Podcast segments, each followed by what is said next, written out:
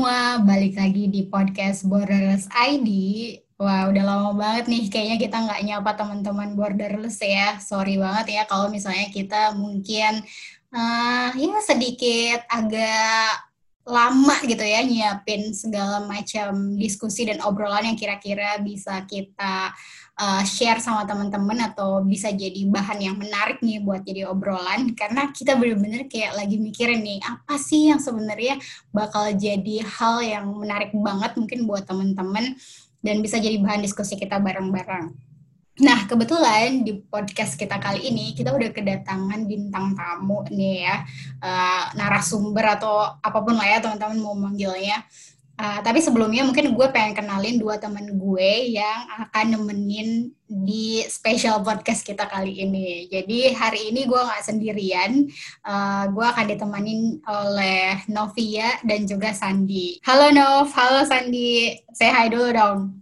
Halo, halo. Halo. ini kita ini banget ya, apa intens banget ya yang bakal apa jadi narasumber kita hari ini semoga tidak terintimidasi gitu ya karena kita saking super excitednya kayak ayo bertiga kita pengen bikin podcast gitu ya. Sementara narasumber iya. satu orang nih. Saking semangatnya. Oke, okay, uh, eh, mungkin biar panjang-panjang kita kenalin langsung aja kali ya San. Siapa sih sebenarnya narasumber yang kita undang kali ini? Oke, okay, hari ini kita kedatangan narasumber yang kece banget, namanya Isabella Apriana, atau yang akrab uh, kita panggil Ibel.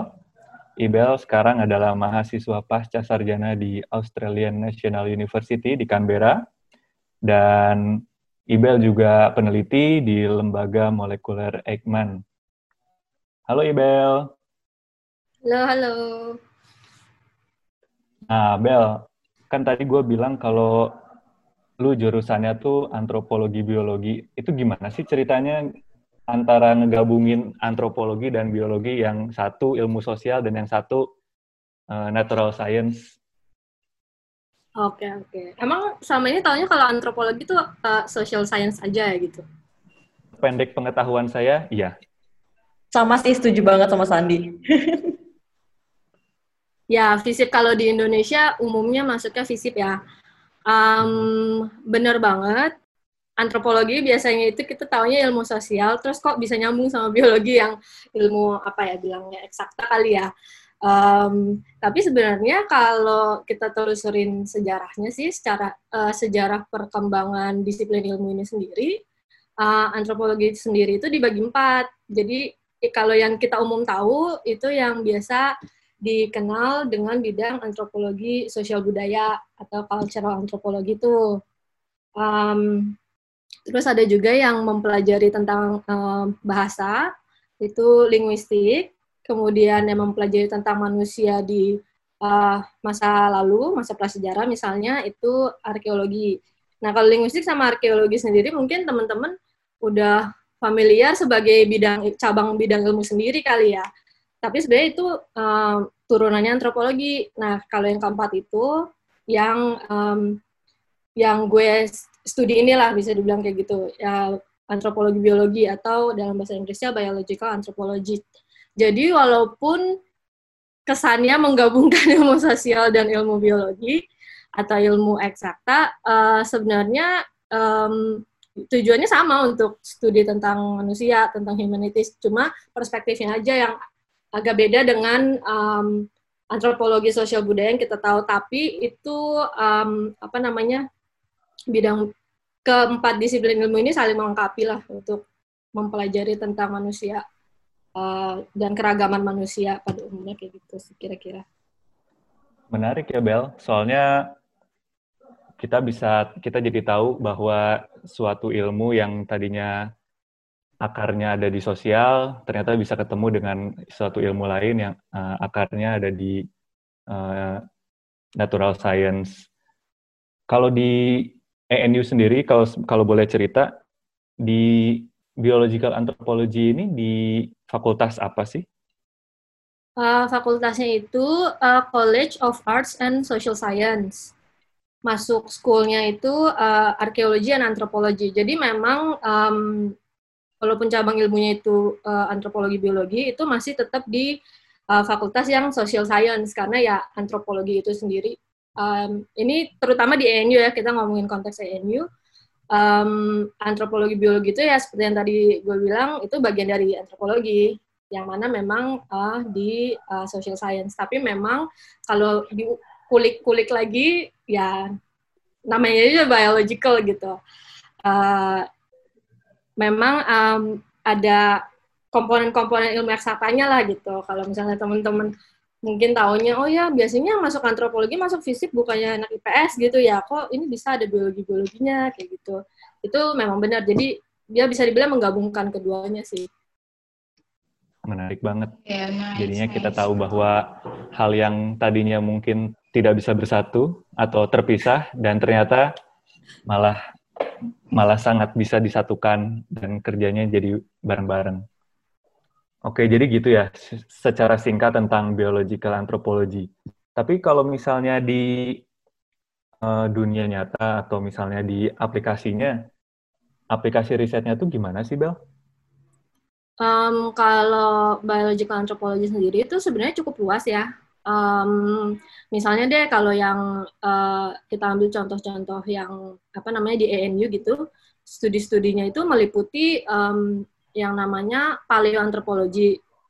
Paleoantropologi itu jadi antropologi seperti yang kita tahu mempelajari tentang uh, keragaman uh, manusia, tapi di masa lalu. Jadi uh, kalau bisa dibayangin, kalau antropologi sosial budaya itu subjek yang diteliti adalah misalnya uh, komunitas adat atau uh, misalnya kebudayaan tertentu, paleoantropologi juga demikian, tapi uh, karena di masa lalu, jadi kita ngelihatnya dari fosil biasanya fosil rangka, terus kemudian uh, peninggalan-peninggalan um, yang dari masa lalu.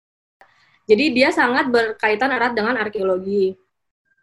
Um, kemudian kalau secara tradisionalnya, jadi biological anthropology itu dulunya dikenal sebagai istilahnya itu physical anthropology. Jadi kalau bisa dibayangin, sosial budaya nih ngomongin kebudayaan gitu kan, culture. Terus um, tadi linguistik dari segi bahasa, arkeo itu dari uh, apa namanya masa lalu lah gitu. Nah kalau antropologi fisik itu sendiri mempelajari manusianya itu sendiri secara individu yang dulunya di, dimulai dengan fosil-fosil. Jadi kalau, kalau teman-teman ingat mungkin waktu zaman kita SD atau itu um, ingat nggak sih yang Homo erectus mempelajari rangka-rangka ah. uh, uh, uh, fosil purbakala hmm. ya kita menyebutnya di, di bahasa hmm. Indonesia. Nah itu sebenarnya bagian dari uh, studi physical uh, antropologi atau yang sekarang dikenal dengan biological anthropology. Itu oh, kira-kira iya. terus. Nah, banget sih. Mm. Aku nanya nih, mau nanya nih, tiba-tiba nanya ya. Mm, boleh, boleh. Kalau boleh. gitu berarti sebenarnya biological anthropology ini juga deket banget sama yang namanya kayak evolusi manusia ya. Benar, benar banget. Jadi uh, salah satu fokusnya adalah untuk melihat ya kenapa sih manusia itu bisa beragam gitu ya. Salah satunya dari hmm. perspektif evolusi atau adaptasi. Um, ngelihatnya gimana? Selain studi uh, tadi balik lagi sedikit kalau misalnya um, apa ya istilahnya tuh kita um, kayak fokus disiplin yang kita mau ambil gitu kalau di NU selain yang tentang manusia yang tadi tentang rangka gitu, misalnya human skeletal biology, istilahnya kalau di ANU, ada juga yang studi tentang primatologi. Nah, primatologi itu juga bagian dari biological anthropology. Karena ngelihatnya um, uh, kekerabatan lah gitu ya, terus perubahan dan adaptasi dari non-human primate istilahnya ke ya manusia gitu kira-kira. Jadi um, studinya macam-macam, bisa dari rangkanya juga, dari anatomi, bisa juga dari perilaku. Nah, terus um, ada lagi sih ada beberapa forensik antropologi itu juga salah satu uh, yang cukup di banyak diminati sama mahasiswa di yang studi di NU. Kemudian um, dengan perkembangan apa namanya kecanggihan di, sekarang uh, genetics yang kaitannya dengan keragaman manusia itu juga salah satu yang dulu gue apa namanya terlibat uh, dalam pekerjaan di lembaga EIKMA, jadi tentang genetik, keragaman genetik manusia dan populasi, itu juga bagian dari physical anthropology. Kalau di ini sendiri belum ada sih itu, tapi um, secara umum itu bagi, masuk ke bagian physical, uh, biological anthropology. Kemudian yang gue sendiri kebetulan apa ya tertarik untuk lebih mendalami itu adalah yang disebut dengan behavioral ecology. Jadi kalau tadi kan ngomongin dari secara fisik, anatomi dan segala macam, kalau behavioral ecology itu lebih ke perilaku. Gitu. Perilaku manusia? Perilaku manusia dengan konteksnya atau perspektifnya itu um, perspektif evolutionary, evolusi, evolusi uh, konteks evolusi di sini tuh maksudnya jadi kenapa sih manusia berperilaku begini di kondisi ekologi atau lingkungan begini gitu. Karena itu adalah kayak apa ya, kayak underlying atau basisnya adaptasi sih kira-kira kayak gitu. Gitu. Kalau pusing ya, pusing ya. Lumayan. Lumayan. Iya nih karena baru banget nih, baru banget denger istilah biological anthropology jadi banyak banget istilah-istilah hmm. baru yang jadi belajar juga sih sebenarnya. Banget, ya. banget. Hmm. Jadi sebenarnya menarik. Hmm. Jadi sebenarnya lumayan menarik kalau untuk kayak di Indonesia, kenapa itu kurang ya kayak tadi gitu banyak kan kan di fisik. Sebenarnya ada juga yang studinya biological anthropology gitu dari riset-risetnya. Apalagi sebenarnya kalau tadi kita balik lagi ke yang temuan purbakala kayak Homo erectus atau Homo floresiensis ya yang terkenal banget uh, The Hobbit dari Pulau Flores itu misalnya. Itu uh, ada yang studinya di bidang ini di Indonesia, tapi untuk berkembang sebagai cabang ilmu sendiri itu memang masih kurang banget. Yang lebih berkembang memang yang antropologi sosial budaya. Salah satu alasannya mm-hmm. katanya sih kalau ngobrol-ngobrol sama uh, temen yang dosen antropologi juga itu salah satunya yaitu karena kan antropologi ilmu sosial IPS nah yang sedangkan ini kan harus kuat nih biologinya atau IPA-nya itu biasanya yang membuat uh, kayak nggak connect lah guys uh, kurang banyak yang tertarik lah kira-kira gitu sayang sih sebenarnya soalnya banyak banget yang bisa digali di di sini di Indonesia. Nah kalau gitu tuh apa sih sebenarnya nih yang bikin Ibel jadi tertarik banget belajar um, biological anthropology. Ah, oke. Okay. Jadi sebenarnya uh, gue harus disclaimer dulu. Um, gue sendiri basic studinya at, waktu S1 itu biologi. Jadinya um, dan waktu itu peminatannya di biologi molekuler. Makanya um, akhirnya kan uh, kerja di Ekman di lembaga Ekman. Nah sebenarnya gue juga nggak pernah tahu tentang antropologi biologi. Awalnya antropologi aja tadi nggak tahu gitu kan waktu masih S1 itu. Terus uh, pas sudah kerja kebetulan terlibat di um, riset yang topiknya itu adalah tentang keragaman uh, genetik manusia Indonesia. Jadi itu konteksnya konteksnya itu adalah untuk rekonstruksi sejarah migrasi manusia Indonesia yang sekarang ada di Nusantara ini tuh datangnya tuh dari mana sih gitu. Wow, keren banget. Terus?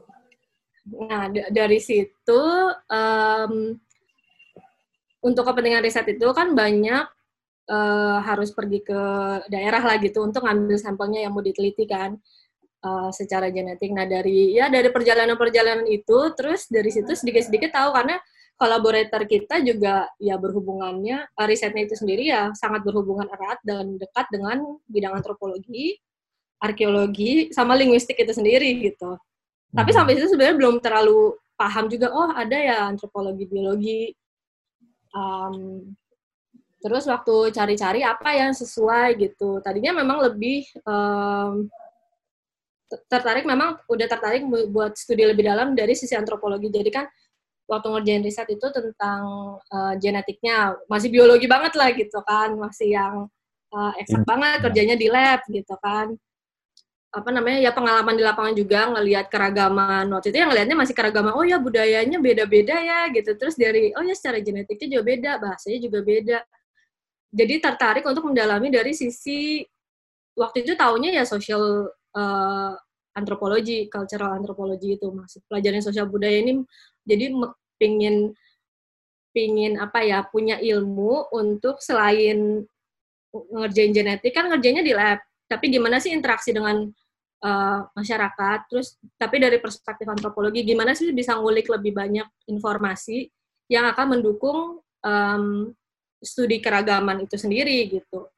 Ya jadi pas nyari-nyari um, ya udah berakhirlah di ENU gitu. Dan kebetulan kalau di Australia sendiri ENU itu kalau nggak salah satu-satunya ya yang punya jurusan spesifik uh, bidangnya itu biological anthropology. Di situ sih baru. Ya dua tahun terakhir ini belajar banyak tentang oh apa sih itu uh, antropologi biologi. Jadi ternyata aplikasinya cukup sangat luas ya dan uh, kita bisa gabungin berbagai hal yang ada di antropologi dan di biologi itu sendiri hmm. untuk kalau di kasusnya Ibel untuk mengetahui perilaku manusia ya, dalam konteks evolusi itu sendiri. Kalau untuk riset nih, terkait risetnya Ibel di ENU, boleh cerita sedikit nggak risetnya itu tentang apa yang kita tahu nih sekarang Ibel itu riset tentang masyarakat adat Punan di Kalimantan. Tapi kita belum tahu nih detailnya gimana. Gimana tuh Bel?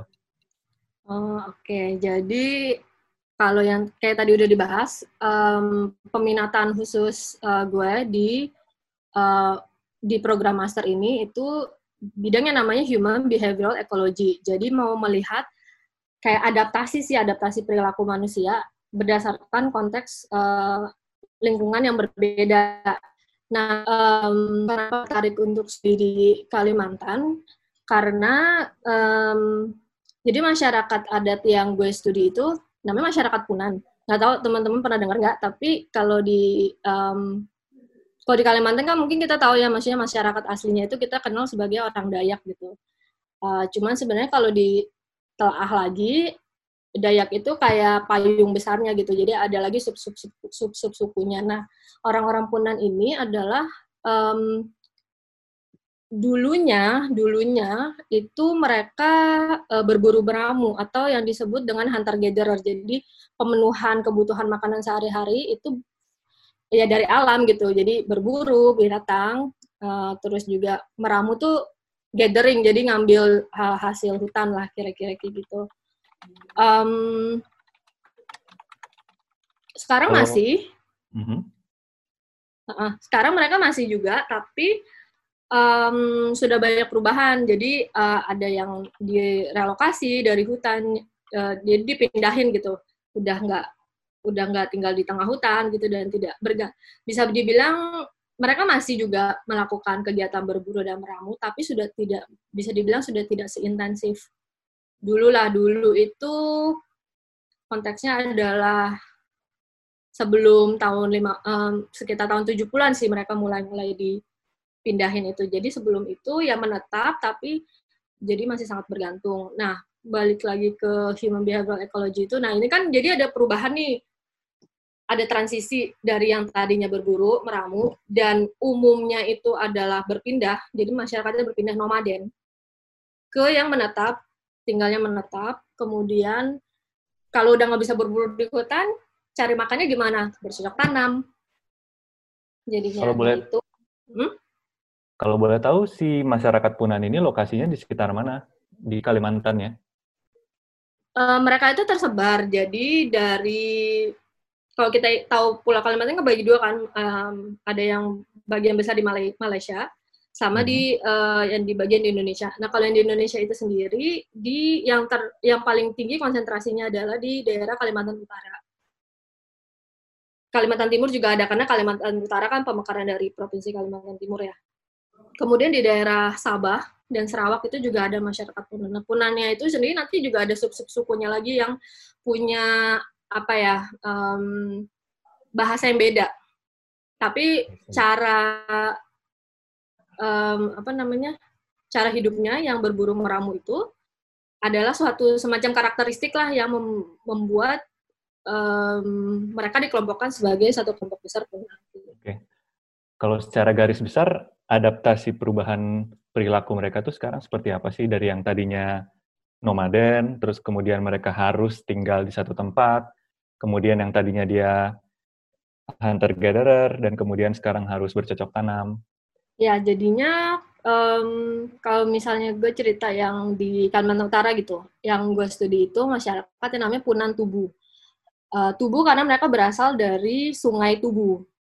Jadi dari uh, hulu, dari hulu Sungai Tubu. Mereka di, di tahun 70-an itu um, sebagian besar dipindahkan ke hilir itu yang sekarang jadi ibu kota, kota kabupaten Malinau namanya yang pastinya paling gampang adalah ke perbedaan di uh, subsistence ya subsistence dalam arti uh, cara mereka mendapatkan um, makanan gitu. Jadi walaupun yang di di kota itu masih kadang-kadang berburu, tapi tentu aja nggak sama kayak dulu lagi waktu masih uh, zaman masih berburu di hutan gitu. Sekarang pun ada sih beberapa masih ada lima desa yang kecil-kecil banget pokoknya jadi satu desa mungkin cuma 100 individu gitu. Itu mereka mhm. nggak mau pindah jadi mereka masih ada di hulu. Nah itu yang salah satu yang gue mau lihat ada nggak sih perbedaannya. Terus balik lagi karena studinya master jadi juga nggak terlalu yang uh, wah gimana. Gue ngelihatnya dari sisi uh, reproduksi. Jadi ada nggak sih perbedaan dari sisi reproduksi antara kedua komunitas yang sudah berada di uh, lingkungan yang berbeda lah kira-kira kayak gitu. Menarik ya. Jadi yang benar-benar sekarang diteliti fokusnya adalah sisi reproduksi dari masyarakat Punan yang ada di dua dua atau tiga lokasi berbeda ya tadi. Tiga. Jadi dua itu Punan Tubuh, Punan Tubuh hmm. yang uh, sudah dipindahkan.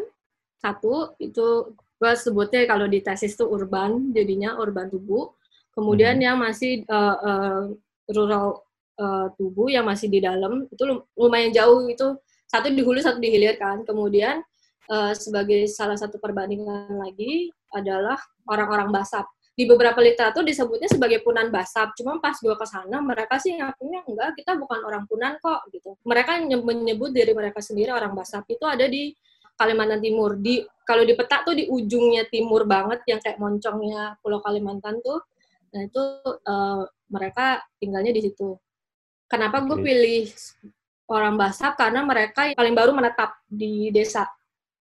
Baru awal-awal 90-an. Tadi ada statement yang bilang kalau mereka nggak ngaku orang tubuh gitu, tapi ngakunya orang Basak. Jadi kayak sebagai manusia sendiri mereka jadi mengidentifikasikan diri mereka dengan identitas yang lain juga ya. Identitas yang uh, mereka iya. pilih sendiri gitu. Um, sebenarnya itu ada sejarahnya juga sih. Mm. Jadi um, tadi ralat dulu, mereka bukan tubuh, jadi tubuh itu kan nama sungainya. Mereka mm. Tidak menyebut dirinya Punan. Mm. Punan itu tadi yang kelompok besar yang di apa ya karakteristiknya adalah masyarakat berburu meramu. Itu secara umum disebutnya Punan kalau orang Kalimantan, orang asli Kalimantan yang uh, berburu dan meramu. Punan. Nah, di beberapa literatur orang Basap ini karena mereka juga berburu dan meramu dulunya mm-hmm. mereka juga dikenal dengan orang Punan tapi balik lagi yang nulis literatur itu kebanyakan adalah peneliti dan harus kita akui kebanyakan adalah antropolog dari luar. Oke. Okay. jadi kalau kita tanya sendiri nah, kalian Punan ya?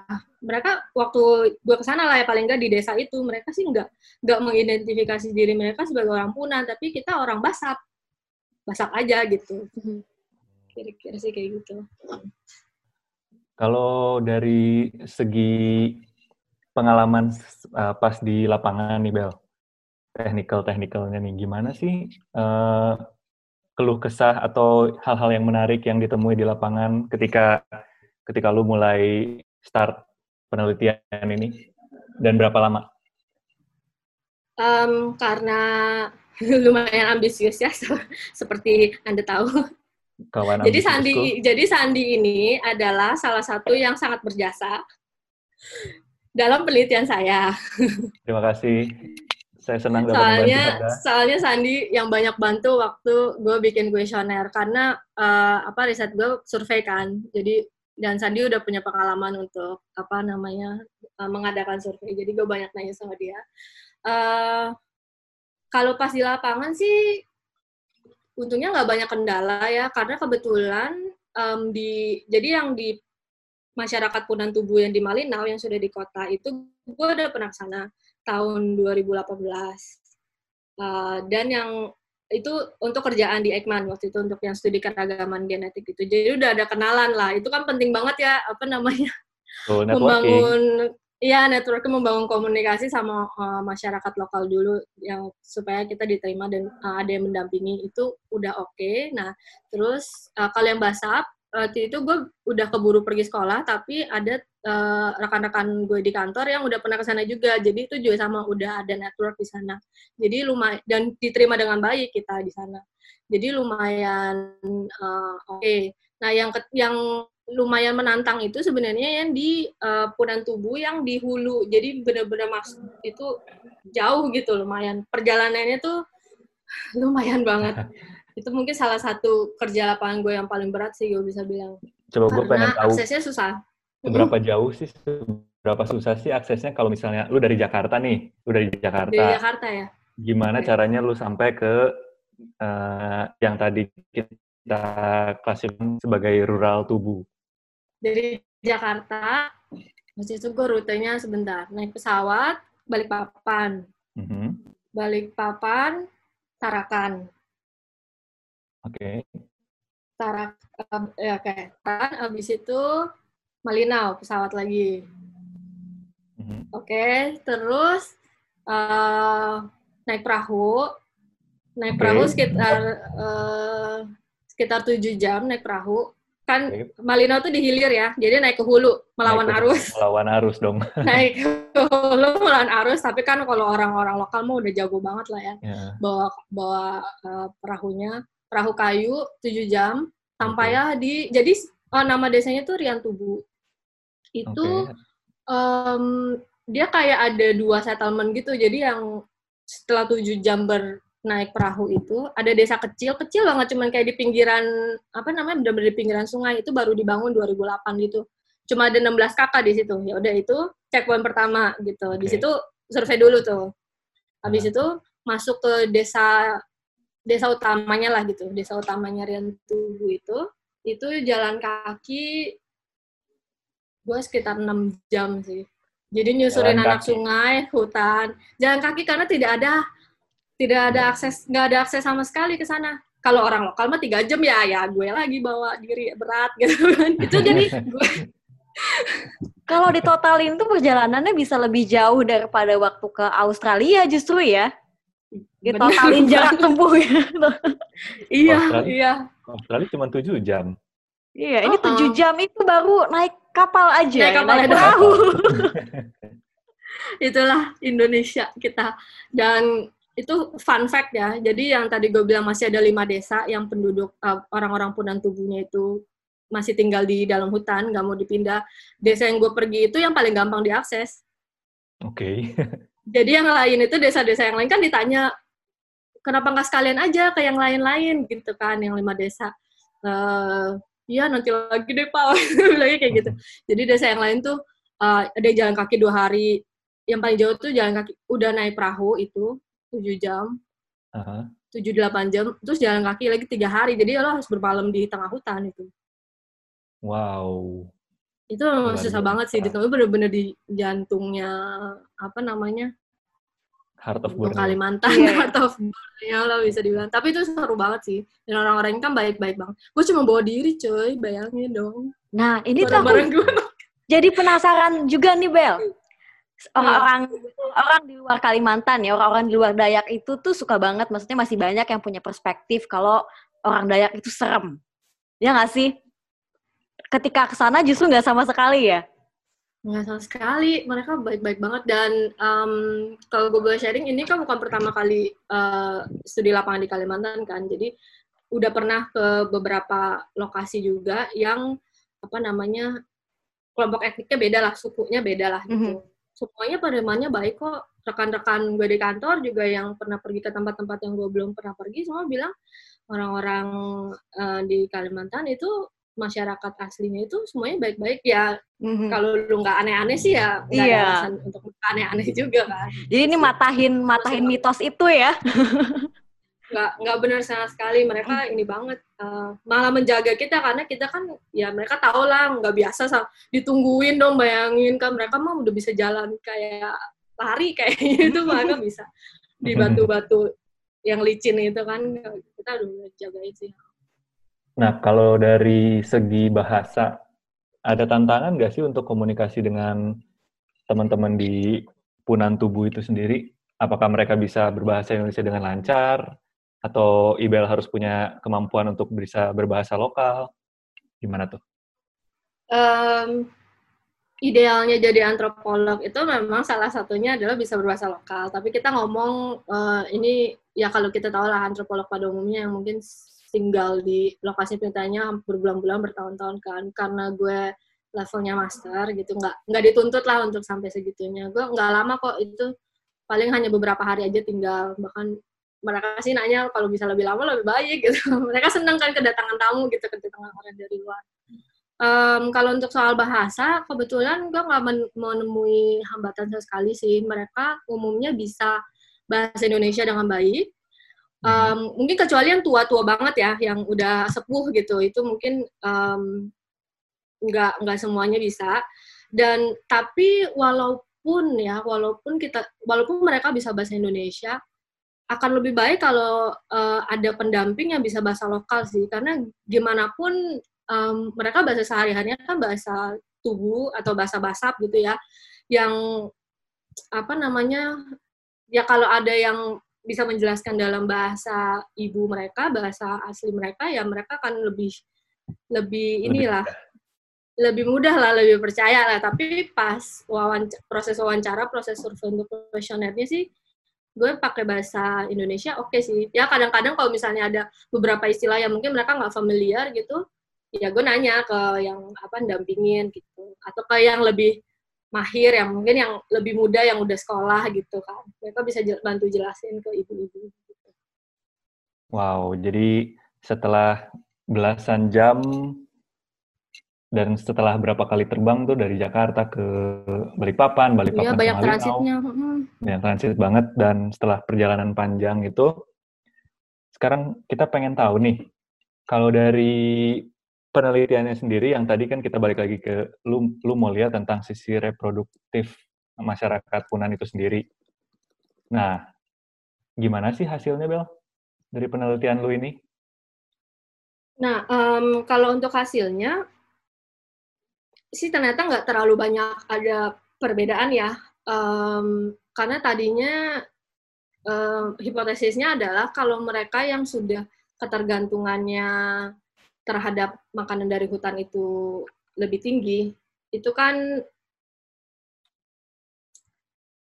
jadi salah satu apa ya kalau gue bisa tarik ke belakang sedikit konteksnya berburu meramu itu kan sangat bergantung pada musim ya pada alam gitu. Jadi ketersediaan uh, sumber makanan itu kadang-kadang nggak nggak apa namanya nggak steady gitu, nggak terus-terusan ada dan itu uh, di beberapa di, di beberapa penelitian uh, yang uh, serupa itu merupakan itu salah satu faktor ekologi yang mempengaruhi lah gimana mereka uh, strategi mereka untuk punya anak. Apakah kalau gue kalau gue susah ngasih makan anak gue, gimana gue mau punya banyak anak? Kira-kira kayak gitu sih simpelnya. Nah, um, kalau yang gue temuin eh, sih nggak terlalu banyak berbeda sih dari yang di uh, masih di dalam masih di dalam maksudnya masih di tengah hutan sama yang udah pindah.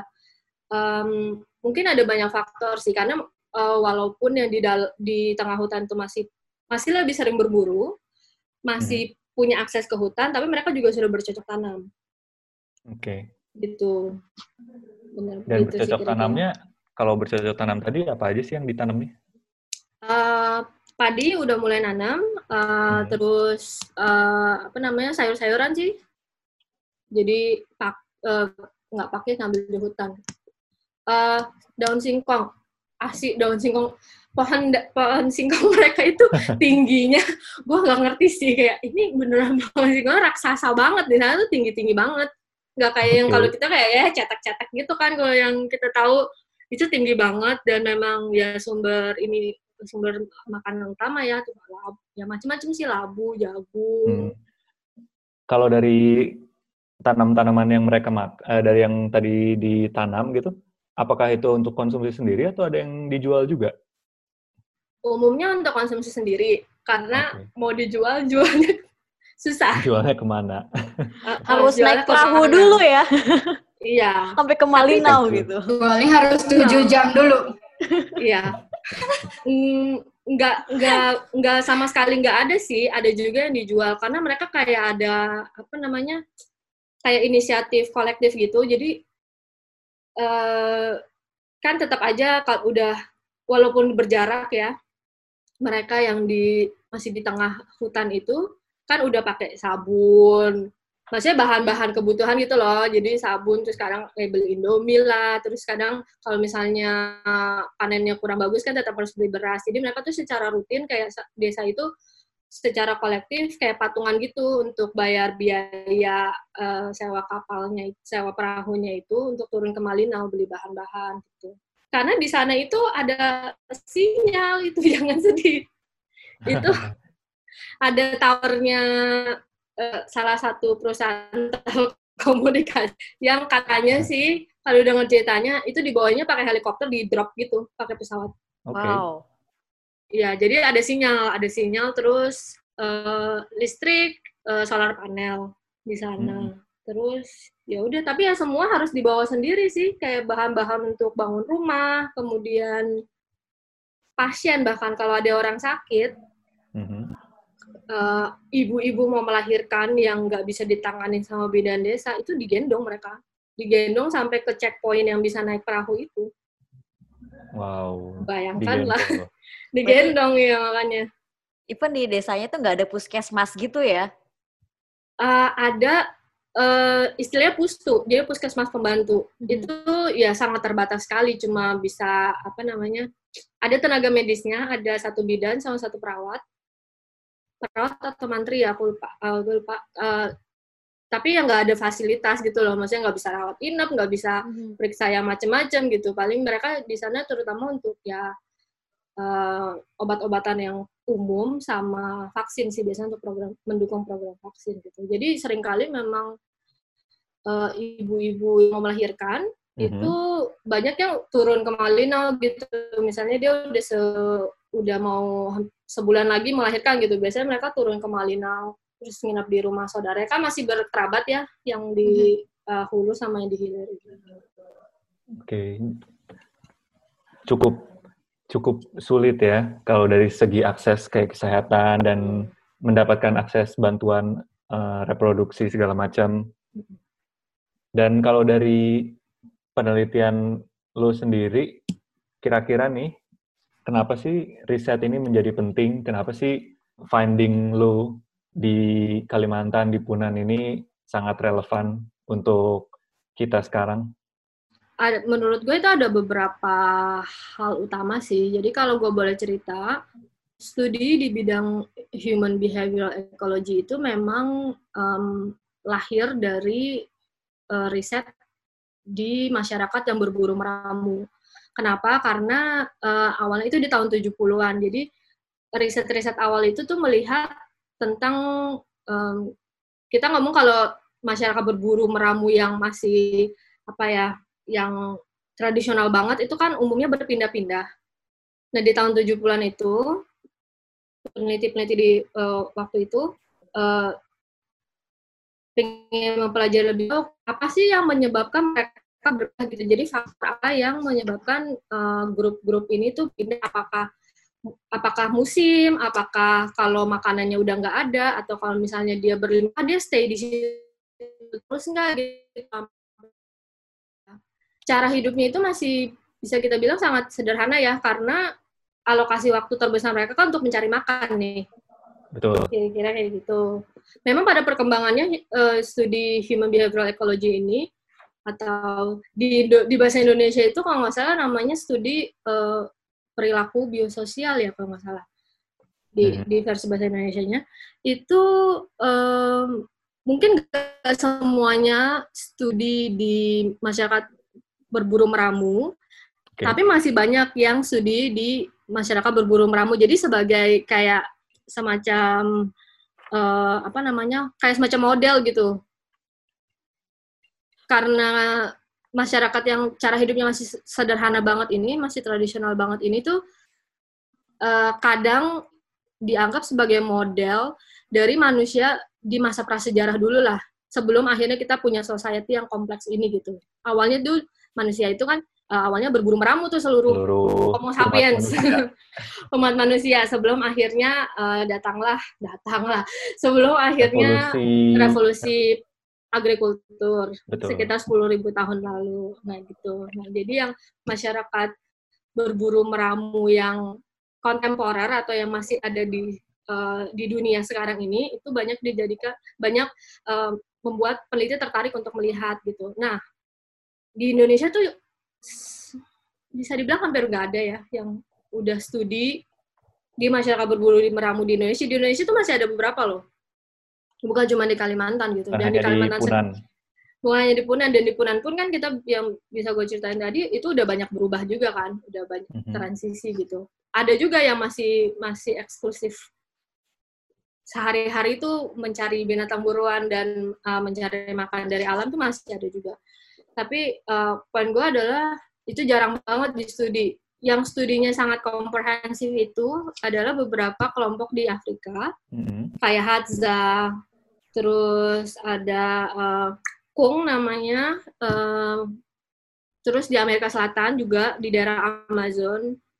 Jadi ada Pu, ada uh, Pume, misalnya Aceh, itu di Uruguay, daerah uh, pokoknya di sekitar Amazon itu, itu sudah banyak di studi gitu dan memang hasilnya lumayan ini ya komprehensif banget gitu bukan cuma dari uh, reproduksi tapi dari mortality juga demografi lah demografi in general kemudian uh, banyak lainnya deh kalau misalnya nanti pengen baca-baca lagi. Terus kalau di Asia itu di Filipina di komunitas yang namanya ACTA. A namanya. Oke. Okay. Itu. Tapi kalau di Indonesia belum ada. Dan uh, kelompok-kelompok yang tadi gue sebut itu sudah di studi sama antropolog itu puluhan tahun. Jadi longitudinal studinya memang ya sangat ideal lah, lebih ideal daripada studi gue yang ya baru apa namanya cross sectional kan dat baru datang sekali aja gitu. Jadi ya semoga bisa jadi permulaan lah. Dan sebagai bagian dari gue training juga who di knows? ini. Who knows? Nanti balik lagi kan? Ya who knows who knows. Benar. soalnya uh, apalagi kalau dengan interest gue yang terutama transisi. Jadi uh, transisi itu kan soal perubahan ya. Jadi kita melihat banyak perubahan lah dari cara hidup mereka yang lama yang sangat bergantung pada alam dengan yang sekarang. Bukan hanya dari mereka sendiri sebagai adaptasi terhadap perubahan tempat tinggal mereka tapi juga pro, sebagai adaptasi terhadap perubahan lingkungannya itu sendiri. Nah ini bagiannya Sandi nih mungkin lebih lebih paham nantinya kan uh, apa namanya secara lingkungannya juga berubah gitu yeah. sekarang. Aku dari awal sebenarnya mau nanya gini sih jadi kan uh, kita di Indonesia sendiri pertumbuhan atau pembangunan tuh masif banget nih.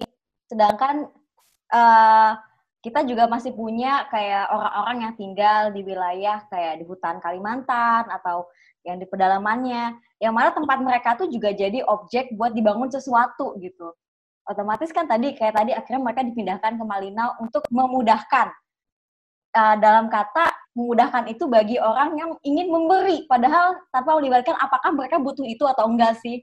Apakah mereka udah cukup konten gak sih tinggal di hutan? Apa emang harus mereka tinggal di kota atau merasakan hidup di kota dulu nih biar lebih hmm. apa ya kali ya? Biar merasa mungkin lebih Indonesia kali ya. Nah kalau untuk orang-orang di Punan sendiri gitu ketika mereka dipindahkan ke daerah Malinau perubahan apa aja sih yang paling mendasar buat kehidupan mereka sehari-hari?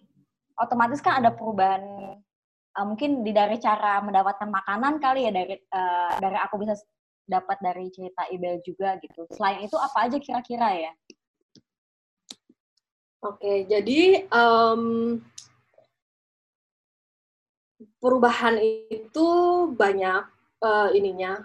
Uh, ada positif dan negatifnya. Uh, dari observasi yang gue lakukan waktu itu dan juga um, ini observasinya bukan untuk kepentingan maksudnya ini ya uh, untuk mendukung aja sih tapi bukan inti dari riset gue sendiri. Jadi memang uh, personal lah bisa dibilang. Terus selain itu kan gue juga baca-baca studi yang udah pernah dikerjain uh, sama tim dari uh, Perancis. C4 dari tempatnya Mas Sandi ini dulu itu udah hampir 20 tahun lalu sih. Itu memang mereka uh, apa ya merangkum lah gitu. Um, mereka survei kan lihat nanya gitu yang di udah dipindahin di Malinau sama yang masih di tengah um, masih di hulu itu gimana sih terhadap perubahan ini terhadap perpindahan relokasi ini gitu memang ada positif dan negatifnya karena um, yang pasti akses kesehatan sama akses pendidikan lebih baik yang di kota dibanding yang masih di uh, dalam. Uh, tapi satu sisi dari segi cari makanan aja gitu. Um, kedekatan dengan alam itu kan sangat ini ya sangat krusial gitu uh, buat orang-orang Punan. Jadi uh, makanya walaupun teman-teman yang uh, udah tinggal di Malinau, waktu itu gue pertama kali gue lumayan kaget juga karena bapak yang dampingin gue dia bilang e, saya masih berburu juga gitu. Karena ternyata walaupun yang sudah menetap di uh, kota itu mereka dia secara gitu suka naik ke hulu untuk ber, waktu dia ikut gue ke nemenin itu dia udah semangat banget mau berburu juga gitu waktu itu kan. Kalian Soalnya ya kalau di kota kan udah nggak mungkin. Jadi malah nyambi si bapak. Jadi um, waktu gue uh, makan-makan hasil buruan tapi mereka masih makan gitu kadang memang beli tapi kadang uh, juga pergi sendiri cari gitu ke hutan. Mungkin nggak sejauh sampai yang harus tujuh jam uh, perahu. Biasanya sekitar satu setengah dua jam mereka ada hutan yang lebih udah agak lebih dekat ke Malinau itu mereka masih berburu karena itu sangat apa ya uh, ya itu identitas mereka juga kan sebagai uh, sebagai orang berburu dan uh, uh. berburunya tuh masih banyak juga yang pakai sumpit. Jadi kalau teman-teman yang tahu orang-orang di uh, Kalimantan uh, pakai sumpit blow pipe itu uh, ya itu dan nggak tahu ya semoga terus dilestarikan sih soalnya kalau itu nggak dipakai ilmunya kan takutnya lama-lama hilang mm-hmm. terus kalau dari sisi lain adalah yang namanya relokasi ya awal-awal itu sulit karena mereka apa ya nggak disediain fasilitas gitu awalnya mereka dipindahin tapi bisa dibilang berusaha sendiri hmm. okay. dikasih cangkul dan dikasih peralatan. Jadi bukan peribahasa doang ya? Di Enggak. Sanggul doang tuh. Jadi dibekalin doang gitu. Itu literal. Iya. Jadi kalau di awal-awal gitu. transisi tuh kayak mending enakan hidup sebagai punannya tinggal di hulu ya?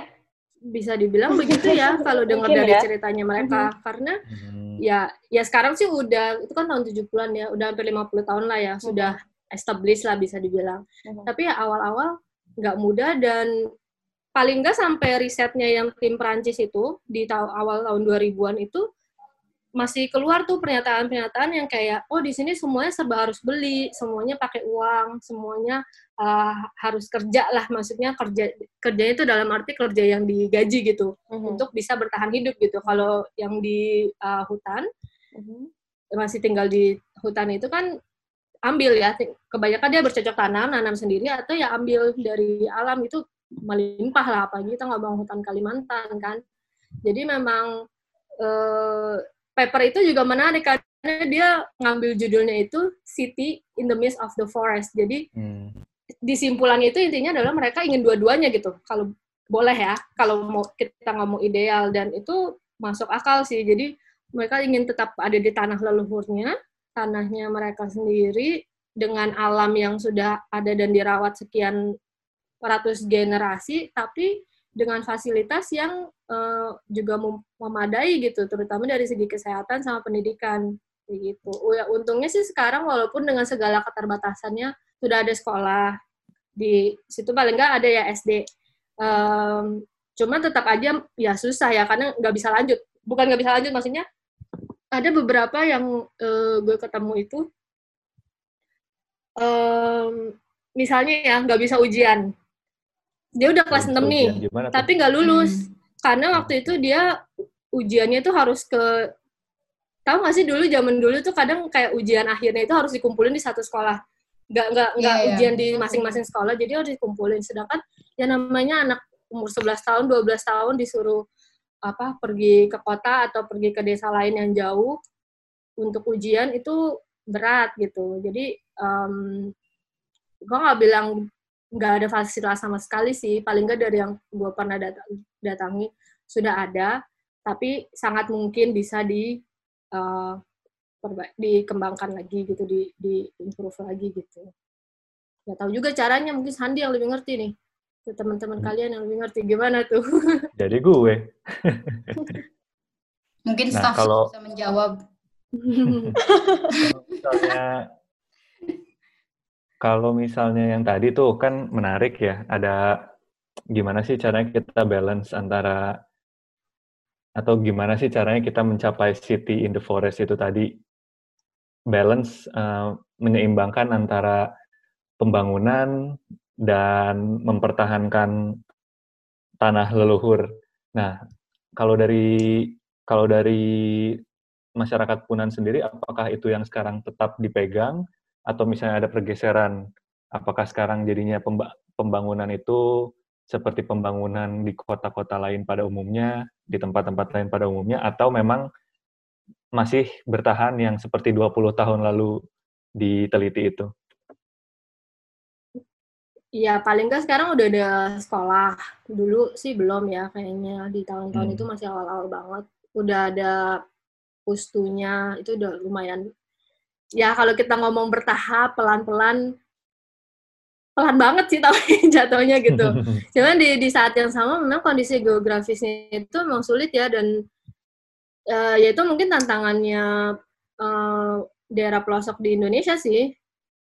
Uh, dari segi geografisnya itu lumayan sulit gitu. Tapi menurut tapi bahkan um, kayak orang lokalnya bapak yang di sana aja bilang itu sebenarnya bukan sesuatu yang tidak bisa dilakukan karena misalnya soal soal akses deh, oke okay lah jalan kaki gitu memang itu itu benar-benar ya masih jalan tanah kecil gitu ya pinggir tebing kadang-kadang pinggir tebing hmm. apa sungai gitu kan.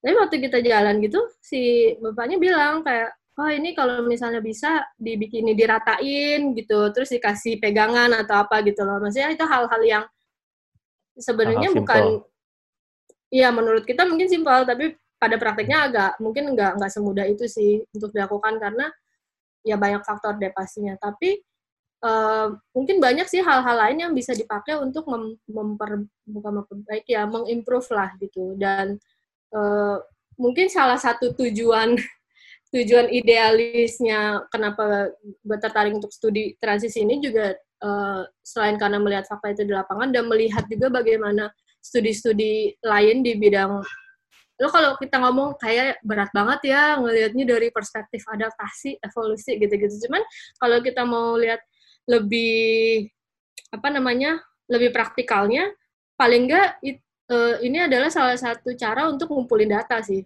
Jadi kalau misalnya kayak di yang tadi gue bilang deh yang studi di Afrika di Amerika Selatan itu kan uh, mereka juga komunitas-komunitas asli yang sama minoritas juga kayak yang masyarakat Punan yang gue studi lah bisa dibilang kayak gitu. Di negaranya mereka ya tapi paling nggak dengan adanya studi-studi yang dilakukan sama antropolog-antropolog itu dan sekian lama itu bertahun-tahun datang lagi datang lagi itu mereka bisa mendokumentasikan dengan baik kayak kayak misalnya uh, apa namanya tingkat kematian anak dan ibu yang melahirkan gitu misalnya. Terus kejadian kejadian-kejadian penyakit infeksi malaria atau apa. Kan di sana juga dulunya nggak ada fasilitas atau apa kan dan itu jadi data driven development I guess bisa dibilang ya. Uh, seiring berjalannya waktu ya itu dijadikan basis penelitian mereka mereka itu dijadikan basis untuk membangun fasilitas kesehatan dan juga mengadvokasi bahwa ini loh komunitas-komunitas yang ada di sini tuh masih ada gitu walaupun dengan cara hidup yang sama sekali beda sama kita yang urban inilah katanya di kota lah gitu. Dengan cara hidup yang kita jalani di iya. tempat kita berdiri ini. Yang kita kayaknya nggak mungkin bisa sih kayak gitu juga nggak mampu gitu. Hmm. ya tapi sebenarnya itu kita agak rancu juga sebenarnya ya kalau nanya mereka uh, apa harus misalnya kalau tadi pertanyaannya gimana cara bantu mereka untuk bisa lebih develop tapi at the same time misalnya preserve uh, apa um, lingkungan sama alam mereka gitu. Padahal sebenarnya mungkin kita juga udah bias gitu ya ngomong soal developnya tuh kayak karena kita uh, membayangkan image develop itu as in itu adalah kondisi yang kita alami gitu ya dengan jalan yang di aspal dengan uh, I don't know, mungkin kayak jembatan di mana-mana ke mana-mana tinggal naik gojek eh kesebut hmm. ya uh, ya itu ojek online gitu ya uh, yeah. jadi gue gue bisa bisa apa nangkap sih apa mungkin uh, tadi kenapa Ibel akhirnya bilang penting ada studi-studi kayak gini nih di antara apa antropolog antropolog kan itu jadi nunjukin sebenarnya arah development kita tuh ini sebenarnya membantu kita benar-benar jadi develop atau sebenarnya bikin kita collapse juga gitu kan ya who knows kan sebenarnya hmm.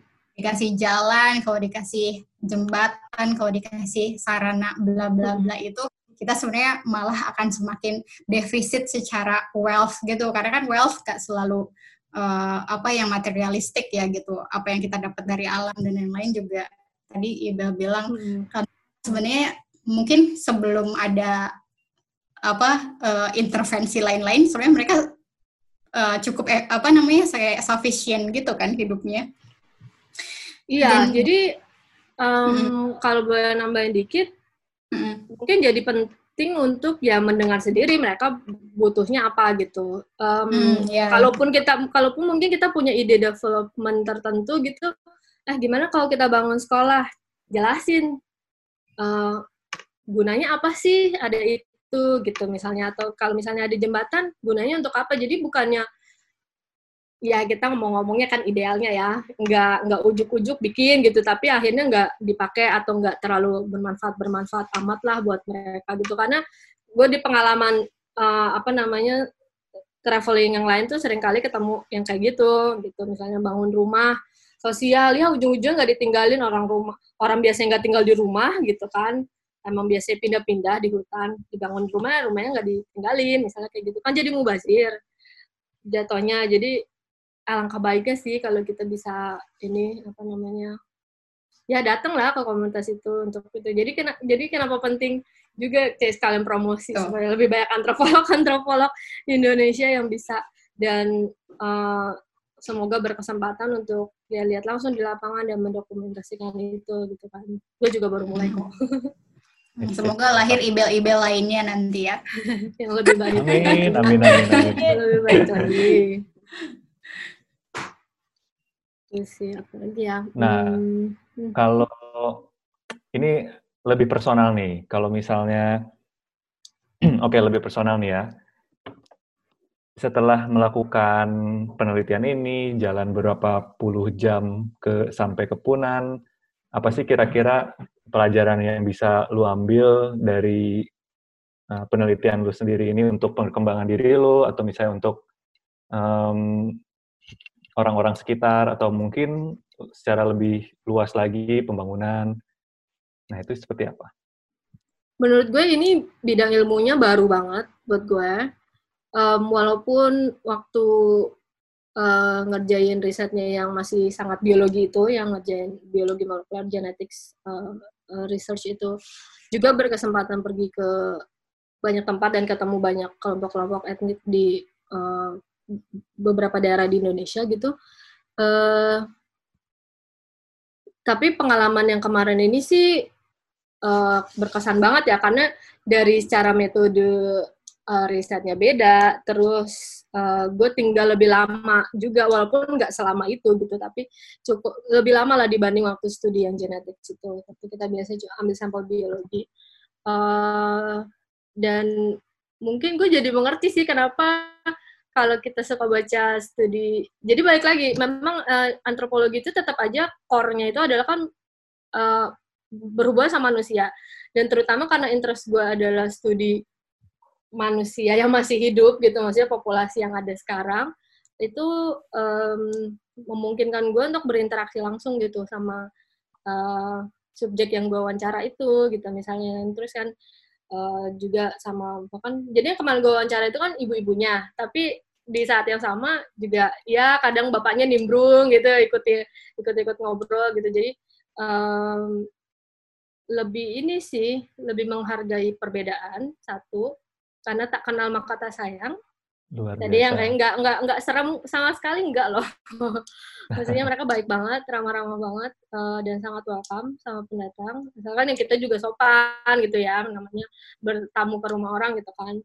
Em, terus em, kalau waktu pengerjaan tesisnya nih paling enggak ya, itu lumayan kayak frustrasi juga sih karena oh iya ya jarang banget sih yang studi di Indonesia gitu. Kalaupun ada, umumnya peneliti luar gitu. Yang nggak apa-apa juga sih peneliti luar mau studi kita tuh juga nggak apa-apa. Cuman boya yang di sini juga ada gitu yang studi, yang ikutan studi juga gitu. Kadang memang kan tim kan, misalnya yang tadi tim Prancis sama ada yang Indonesia, tapi kalau bisa dilima orang Indonesia alangkah lebih senangnya Alangkah gitu lebih kerennya.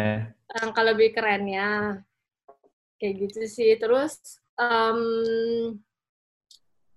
studi gue itu kuantitatif by the way kalau misalnya teman-teman tahu studi antropologi umumnya em, fokus pada partisipan observation Mhm. em, Etnografi seperti itu. ya, etnografi dan kualitatif gue ya ada etnografi itu akan mendukung tapi core-nya itu adalah kuantitatif karena pakai statistik kan. Itu juga katanya salah satu yang kayaknya hambatan deh kenapa antropologi biologi kurang berkembang di sini karena ya itu baik lagi kayak statistik gitu. Kalau yang em, ya adik-adik kita yang anak-anak SMA kan IPA IPS tuh sangat apa ya di kotak-kotakan banget kayak soalnya anak IPS nggak boleh belajar statistik padahal kan nggak gitu juga gitu.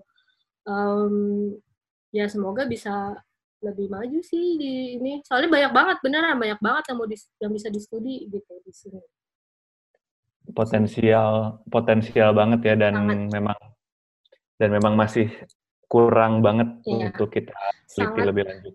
dan dalam konteks studi transisi kayak gini eh, transisi masyarakat adat lah gitu bisa dibilang kita in a way berpacu dengan waktu gitu karena ya kita nggak akan kita nggak tahu. Tapi kalau be- eh, lihat baca-baca gitu em, oh ya antropologi itu juga salah satu kekuatannya adalah cross cultural study. Jadi semakin banyak kita punya data kita bisa bandingin gitu. Bener nggak sih? Kadang kan kita oh kita mereka udah pernah nih studi yang hunter gatherers di Afrika di eh, Amerika Selatan atau bahkan Asia gitu tapi kita kita nggak tahu apakah di Indonesia ini sama dengan yang di Filipina dari dari, dari kebiasaannya dari eh, kebudayaannya dari cara mereka memandang lingkungan gitu. Misalnya apakah benar-benar sama kalau kita nggak punya data kita sendiri kan ya jadi cuma kayak takutnya menggeneral mengeneralisir gitu. Dan itu jadi penting kenapa kita perlu punya kenapa kita perlu studi yang eh, lebih banyak lagi lebih komprehensif lagi untuk masyarakat Indonesia gitu. Dan ya berpacu dengan waktunya dalam arti ya perubahannya itu bisa jadi nggak akan kembali lagi gitu. Karena tadinya misalnya yang di hulu itu desanya banyak banget kan tinggal lima. Itu aja nggak tahu mungkin satu dua dekade lagi turun semua ke hilir mungkin atau gimana kan kita nggak tahu. Ya, Gitu. jadi memang implikasinya ke individu dan ke luasnya luas keluar lagi itu banyak banget ya. cukup luas sih Oke, em, ya luas banget, banyak banget. Itu kayaknya berkali-kali gue denger di percakapan kita kali ini ya. Sebenarnya emang kalau mau dieksplor lebih banyak, mungkinnya kalau misalnya kita mau scrutinizing apa eh, tesisnya IBEL atau riset IBEL sampai benar-benar kayak kita bisa ngebayangin apa yang udah dia lakuin gitu di sana bakal super panjang banget ceritanya karena tadi ya perjalanan aja berapa puluh jam tuh kan udah kayak keliling dunia padahal mau ke bapak satu lokasi yang masih ada di Indonesia gitu. Em, ya teman-teman makasih udah apa eh, bawa banyak insight terutama buat Ibel ya yang udah mau sharing di podcast Borderless. Mungkin eh, gue kalau mau uh, summary-in kayaknya uh, bakal banyak banget ya dan kayaknya uh, yang dengerin juga udah cukup bisa apa dapat banyak insight lah. Cuman mungkin yang mau gue highlight aja ternyata emang banyak kayak yang belum kita tadi kalau istilahnya Ibel tuh belum kita kenal gitu. Jadi kayak kalau kita belum kenal ya kita juga belum paham gitu. Belum tahu gimana caranya kita bisa uh, mungkin lebih baik bersikap terhadap orang tertentu, etnis tertentu, golongan tertentu gitu ya. Terus juga gimana sih cara kita bisa uh, apa bawa ide-ide yang mungkin juga lebih relevan buat mereka. Entah itu dalam hal pembangunan dalam hal misalnya bantu mereka untuk bisa apa uh, dapat akses terhadap misalnya pendidikan dan kesehatan lebih baik juga gitu. Terus kedua masih banyak banget juga yang perlu kita lakukan gitu ya. Terutama mungkin buat Ibel tadi yang berpacu dengan waktu ya. Untung nggak berpacu juga. Eh apaan sih tuh oh melodi ya gagal lo ngomong job oke okay, ya itulah ya. Uh, eh, gue nggak lahir dari generasi itu sih jadi ya mau um, ya gitu. Jadi banyak banget yang harus kita lakukan gitu ya. Uh, mungkin uh, apa sebagai uh, orang yang uh, sangat juga kagum sama antropolog-antropolog gitu ya karena gue merasa kayak kerjanya berat banget cuy gitu. Uh, mikirin apa segala macam aspek manusia gitu. Uh, gue mau kasih apa apresiasi dan juga semoga uh, Ibel sama antropolog lain di Indonesia bisa inilah ya uh, maksudnya karena sekarang udah mulai muncul banyak gitu ya riset-risetnya meskipun tadi Ibel bilang belum terlalu banyak tapi semoga setelah ini akan lebih banyak lah yang tertarik untuk uh, setidaknya misalnya di bidang antropologi biologi gitu ya. Uh, mungkin uh, kalau detailnya nanti kalau teman-teman uh, borderless penasaran, uh, kita bakal kasih apa sosial medianya email supaya misalnya bisa reach out juga. Who knows ya? Setelah ini mungkin kayak ah gue terinspirasi mau jadi antropolog juga. Semoga sih ada lah ya gitu.